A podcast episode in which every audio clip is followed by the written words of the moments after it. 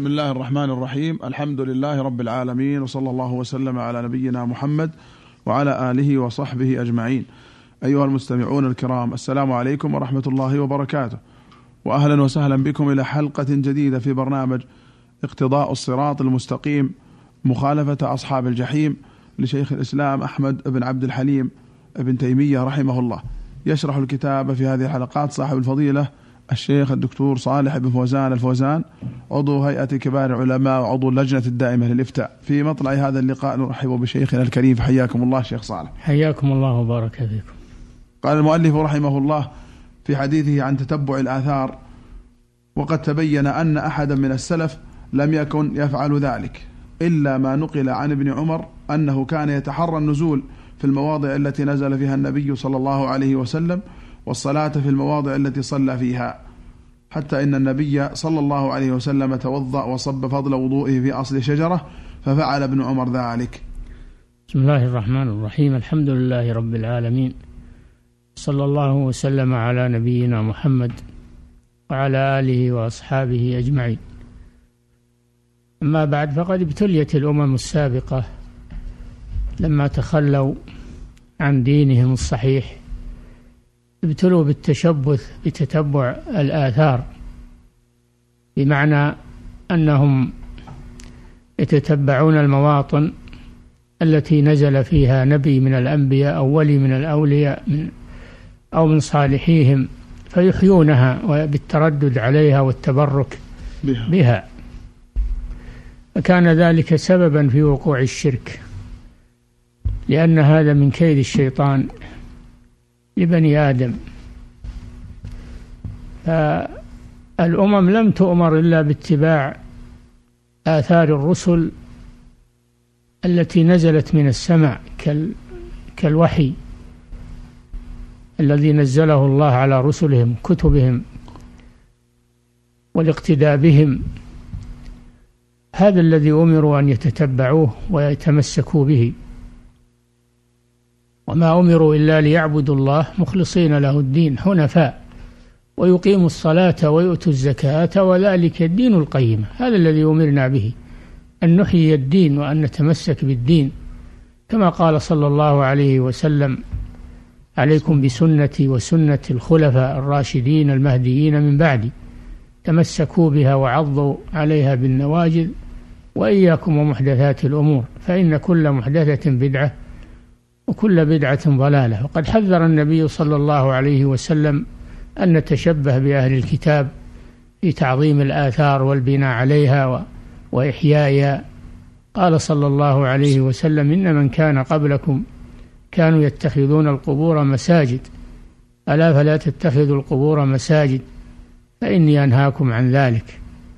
قال عليه الصلاة والسلام وقال عليه الصلاة والسلام أولئك إذا مات فيهم الرجل الصالح بنوا على قبره مسجدا وصوروا فيه تلك الصور. أولئك شرار الخلق عند الله سبحانه وتعالى. فلم نؤمر بإحياء الآثار التي هي بمعنى الأطلال الخربة التي مات أهلها وانتقلوا عنها وصارت خربة لأنها تنسى وتترك. ليست من الدين وإحياؤها والتردد عليها وتعليق قلوب الناس بها هذا مما يسبب الشرك كما حدث للأمم السابقة. فلهذا حذرنا النبي صلى الله عليه وسلم من ذلك. وقد تمسك الصحابة ومن جاء بعدهم من القرون المفضلة ومن جاء بعدهم على هديهم تمسكوا بسنة الرسول صلى الله عليه وسلم ولم يلتفتوا إلى هذه الآثار التي هي الأطلال الخربة والمساكن القديمة وكذلك التي نزل بها الأنبياء أو جلسوا فيها ما كانوا يتتبعون هذا. لعلمهم أن هذا ليس من الدين بل هو ضرر على الدين. نعم. فالواجب أن نسلك طريقهم وأن نسير على نهجهم وأن نتمسك بديننا والآثار التي أمرنا بها هي آثار النبوة وآثار الوحي من الكتاب والسنة. أن نتمسك بذلك. قوله صلى الله عليه وسلم عليكم بسنتي سنة الخلفاء الراشدين المهديين من بعدي. والله أمرنا باتباع الكتاب. كتاب أنزلناه إليك مبارك ليدبروا آياته وليتذكر أولو الألباب. قال سبحانه وتعالى اتبعوا ما أنزل إليكم من ربكم. فالله جل وعلا أمرنا باتباع الكتاب والسنة وإحياء الكتاب والسنة ونهانا أن, أن, أن نحيي التراب والخربات والمواطن لأن هذا من وسائل الشرك ومما يدعو إلى الشرك كما حصل للأمم السابقة. والصحابة مشوا على هذا فلم يكونوا يلتفتون لم يكونوا يلتفتون إلى المواطن التي نزل فيها الرسول صلى الله عليه وسلم ونزل وتوضأ فيها أو صلى فيها اتفاقا. قد سبق أن, أن ذكر الشيخ التفصيل في هذا وبين أنه ما كان النبي صلى الله عليه وسلم جلس فيه أو سكن فيه اتفاقا من غير قصد أن هذا لا يلتفت إليه فيما بعد. وأما ما ما قصد عليه الصلاة والسلام الصلاة فيه وأمر الناس بالصلاة فيه فهذا فهذا يتبع فيه أثر الرسول صلى الله عليه وسلم ويصلى فيه.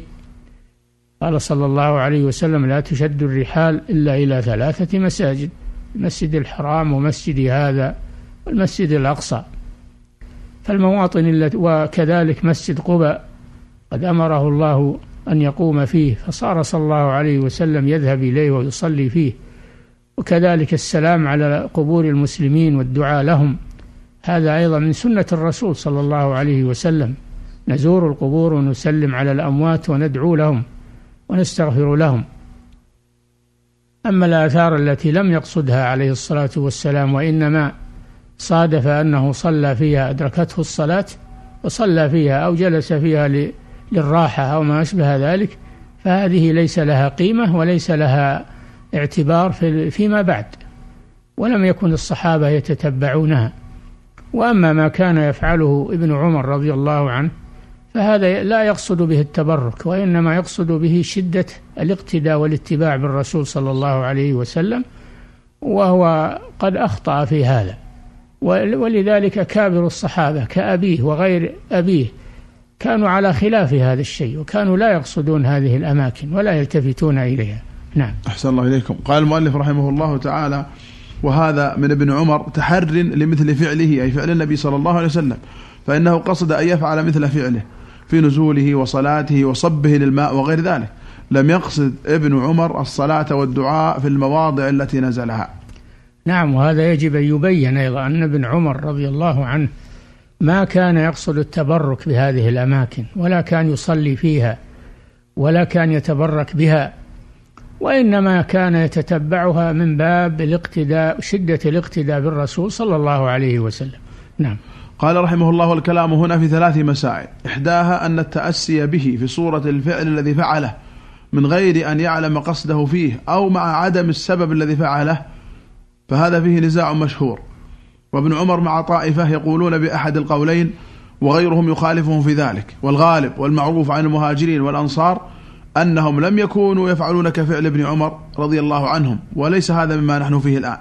نعم هذا انتهينا. منه نعم ومن هذا الباب أنه لو تحرى رجل في سفره أن يصلي في مكان نزل فيه النبي صلى الله عليه وسلم وصلى فيه إذا جاء وقت الصلاة فهذا من هذا القبيل.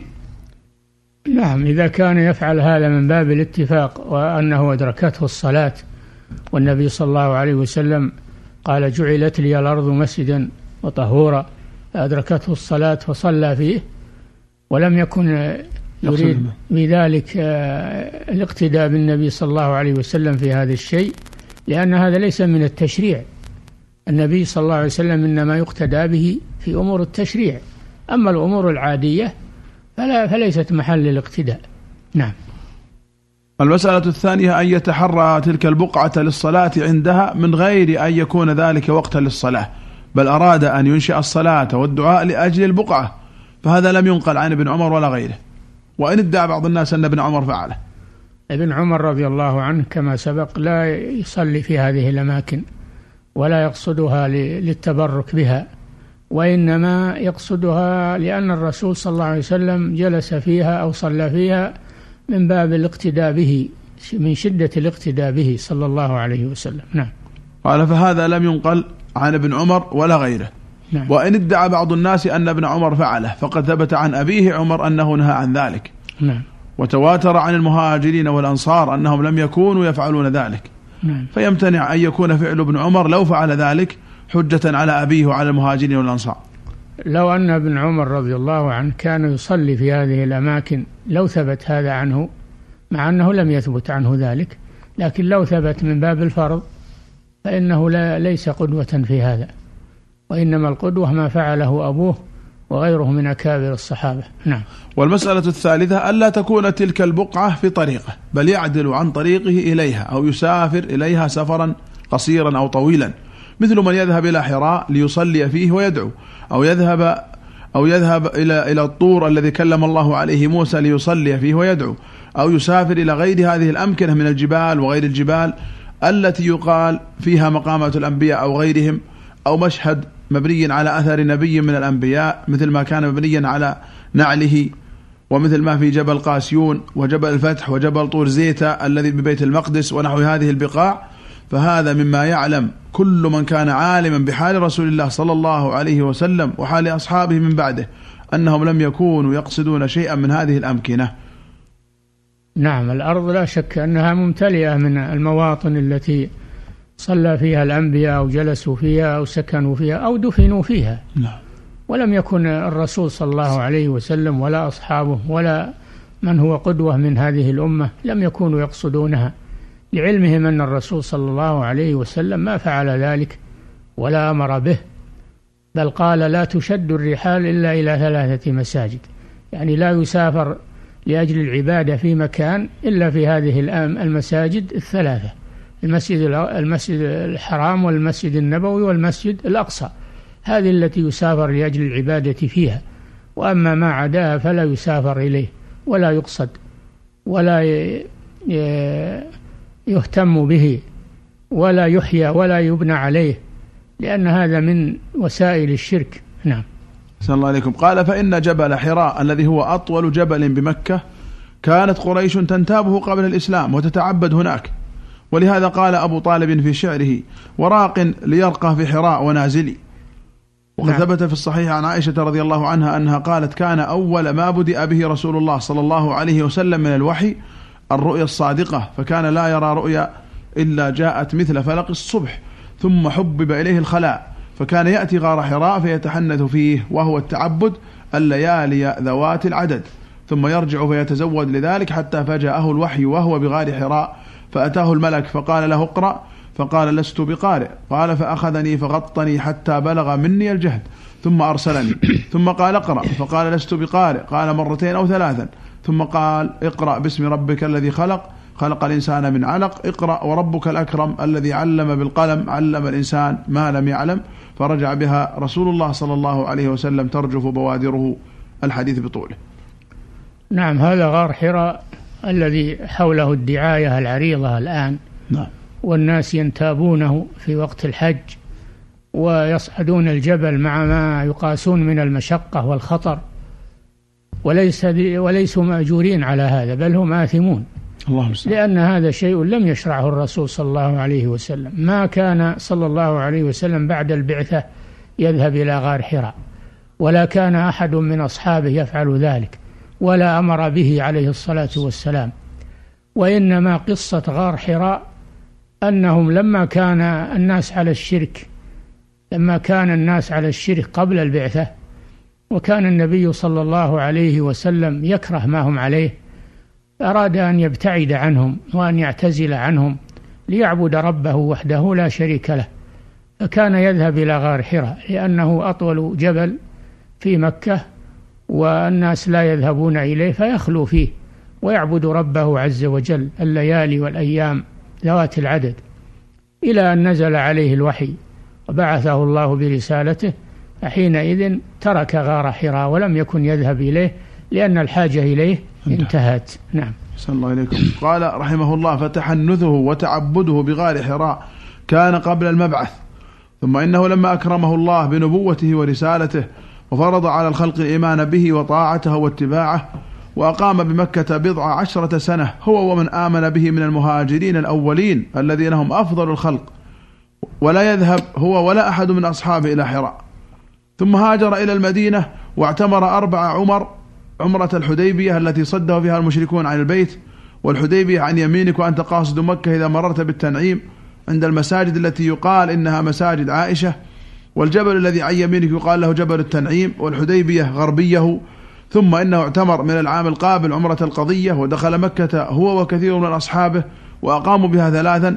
ثم لما فتح مكة وذهب إلى ناحية حنين والطائف شرقية مكة فقاتل هوازن بوادي حنين ثم حاصر أهل الطائف وقسم غنائم حنين بالجعرانة فأتى بعمرة من الجعرانة إلى مكة ثم إنه اعتمر عمرته الرابعة مع حجة الوداع وحج معه جماهير المسلمين لم يتخلف عن الحج معه إلا من شاء الله وهو في ذلك كله لا هو ولا أحد من أصحابه يأتي غار حراء ولا يزوره ولا شيئا من البقاع التي حول مكة ولم يكن هناك عبادة إلا بالمسجد الحرام وبين الصفا والمروة وبمنى والمزدلفة وعرفات وصلى الظهر والعصر ببطن عرنة وضربت له القبة يوم عرفة بنمرة المجاورة لعرفة ثم جاء بعد بعده الخلفاء الراشدون وغيرهم من السابقين الأولين لم يكونوا يسيرون إلى غار حراء ونحوه للصلاة فيه والدعاء. كل هذا تقرير لما سبق وهو أن الرسول صلى الله عليه وسلم ما كان بعد البعثة يذهب إلى غار حراء. ولا يذهب إلى دار المولد المزعومة نعم. التي يزعم أن الرسول صلى الله عليه وسلم ولد فيها. وحتى لو ثبت أنه ولد فيها ما كان صلى الله عليه وسلم يقصد بيتا من بيوت مكة ويقول هذا هو البيت الذي ولدت فيه. ولم يكن صلى الله عليه وسلم يذهب إلى غار ثور. ولم يكن صلى الله عليه وسلم يذهب إلى أي مكان سوى أنه يذهب إلى إلى الكعبة وإلى البيت الحرام ويؤدي العمرة أو الحج ويصلي في المسجد الحرام وما كان يذهب إلى هذه الأماكن.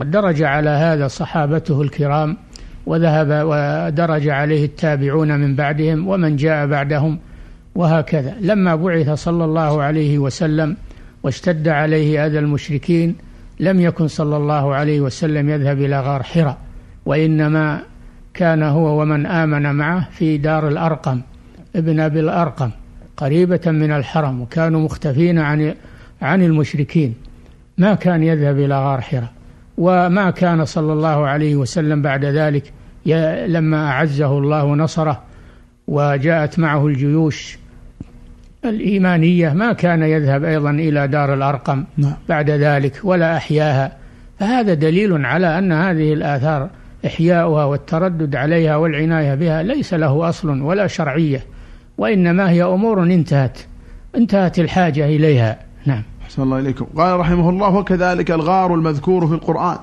في قوله تعالى ثاني اثنين إذ هما في الغار وهو غار بجبل ثور يمان مكة لم يشرع لأمته السفر إليه وزيارته والصلاة فيه والدعاء ولا بنى رسول الله صلى الله عليه وسلم بمكة مسجدا غير المسجد الحرام.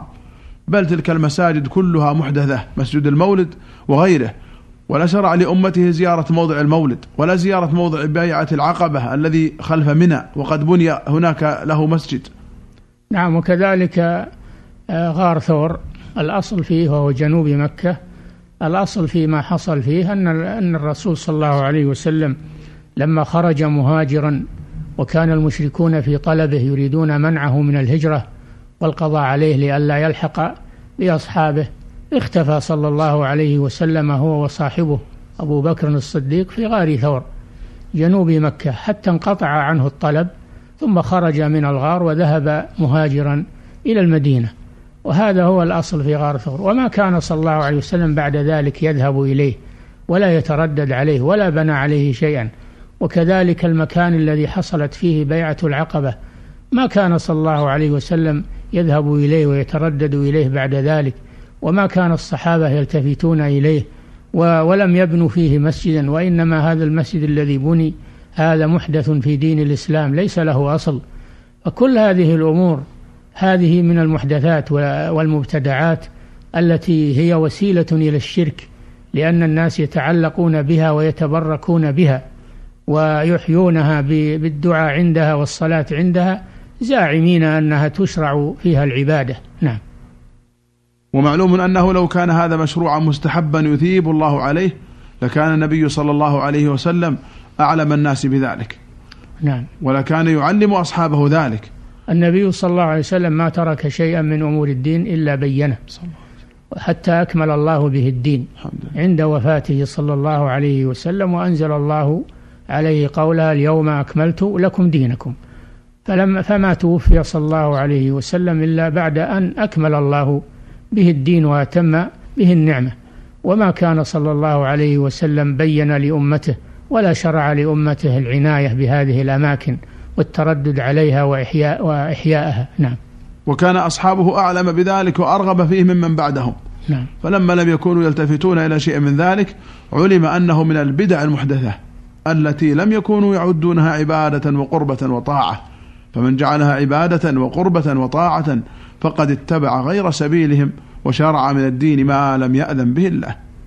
هم الآن يقولون إن العناية بها ليس من باب العبادة وإنما هو من باب الذكريات وإحياء التاريخ وما أشبه ذلك. وهم يعلمون علم اليقين أن فعلهم هذا وسيلة من الوسائل. حتى ولو كانوا لا يقصدونهم ذلك لكن يأتي من بعدهم من يقصد ذلك وهم يكونون فتحوا الباب له أعوذ بالله. وأعدوا, وأعدوا له البداية فهم السبب في هذا. نعم, نعم. وإذا كان حكم مقام نبينا صلى الله عليه وسلم في مثل غار حراء الذي ابتدي فيه بالإنباء والإرسال وأنزل عليه فيه القرآن مع أنه كان قبل الإسلام يتعبد فيه وفي مثل الغار المذكور في القرآن الذي أنزل الله فيه سكينته عليه فمن المعلوم أن مقامات غيره من الأنبياء أبعد عن أن يشرع قصدها والسفر إليها لصلاة أو دعاء أو نحو ذلك. إذا كانت صحيحة ثابتة فكيف إذا علم أنها كذب أو لم يعلم صحتها؟ إذا كان أعظم ما حدث هو ما حدث في غار حراء لأن الله ابتدأ فيه الوحي على نبيه صلى الله عليه وسلم وجاءه الملك وهو فيه. وكذلك ما حدث في غار ثور من اختفائه صلى الله عليه وسلم عن المشركين وأنزل الله عليه السكينة فيه. ومع هذا لم يكن يحيي هذين الغارين أو يتردد عليهما لأن الحاجة انتهت الحاجة إليهما انتهت, انتهت ولم يقصدهما للعبادة وإنما قصدهما للحاجة فقط. نعم. صلى الله عليكم. قال وهذا كما أنه قد ثبت باتفاق أهل العلم أن النبي صلى الله عليه وسلم لما حج البيت لم يستلم من الأركان إلا الركنين اليمانيين فلم يستلم الركنين الشاميين ولا غيرهما من جوانب البيت ولا مقام إبراهيم ولا غيره من المشاعر. وأما التقبيل فلم يقبل إلا الحجر الأسود. نعم هو صلى الله عليه وسلم إنما شرع لأمته في الكعبة أن, أن, أن, أن يستلم الحجر الأسود الذي هو آه، الركن ركن الكعبة الأسود والركن اليماني. الركن اليماني لأنهما على قواعد إبراهيم عليه السلام ولم يكن يقبل ولا يستلم الركنين الشاميين لأنهما من داخل الكعبة وليس على قواعد إبراهيم عليه السلام.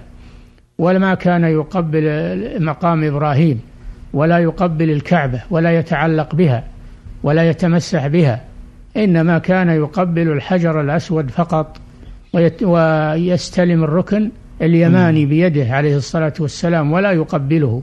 فما يفعله الناس الآن من تكدسهم على الكعبة وتعلقهم بالباب وتزاحمهم وسد المطاف ومضايقة الطائفين وإيذاء الطائفين. الله جل وعلا قال طهر بيتي للطائفين وهؤلاء يضايقون الطائفين ويحيون البدع. دل هذا على أن هذا خطأ محض يجب المنع منه. نعم.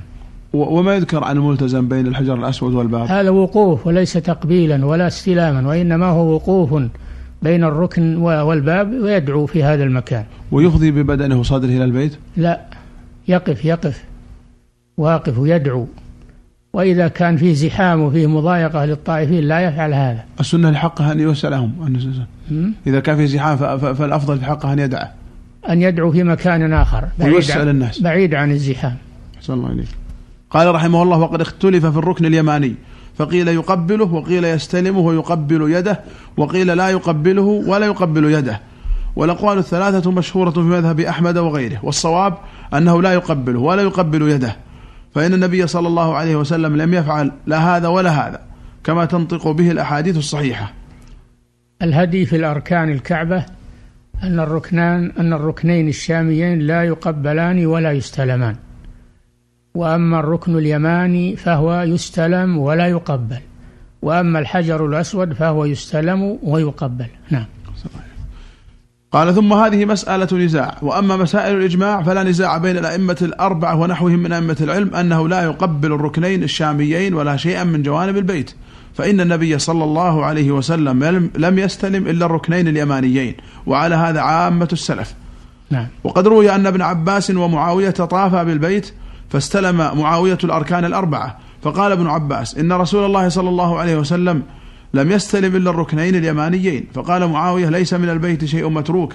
فقال ابن عباس لقد كان لكم في رسول الله أسوة حسنة. فرجع إليه معاوية. نعم هذه قصة معاوية رضي الله عنه وابن عباس رضي الله تعالى عنهما أن أن معاوية كان يستلم الأركان الأربعة. فأنكر عليه ابن عباس وقال إن الرسول صلى الله عليه وسلم لم يكن يستلم إلا الركن اليماني والحجر الأسود. فقال معاوية رضي الله عنه ليس شيء من البيت مهجور. فقال فقال ابن عباس رضي الله عنهما لقد كان لكم في رسول الله أسوة حسنة. فقال معاوية رضي الله عنه صدقت. فهذه المناظرة التي جرت بين هذين الصحابيين الجليلين تبين السنة في أركان البيت. وأنه إنما يستلم الركنان اليمانيان ويزيد الركن الحجر بالتقبيل مع الاستلام. وأما الركنان الشاميان فلا يستلمان ولا يقبلان ومن باب أولى ومن باب أولى جدر الكعبة و مقام إبراهيم. أستار الكعبة ومقام إبراهيم كل هذه لا تستلم ولا تقبل.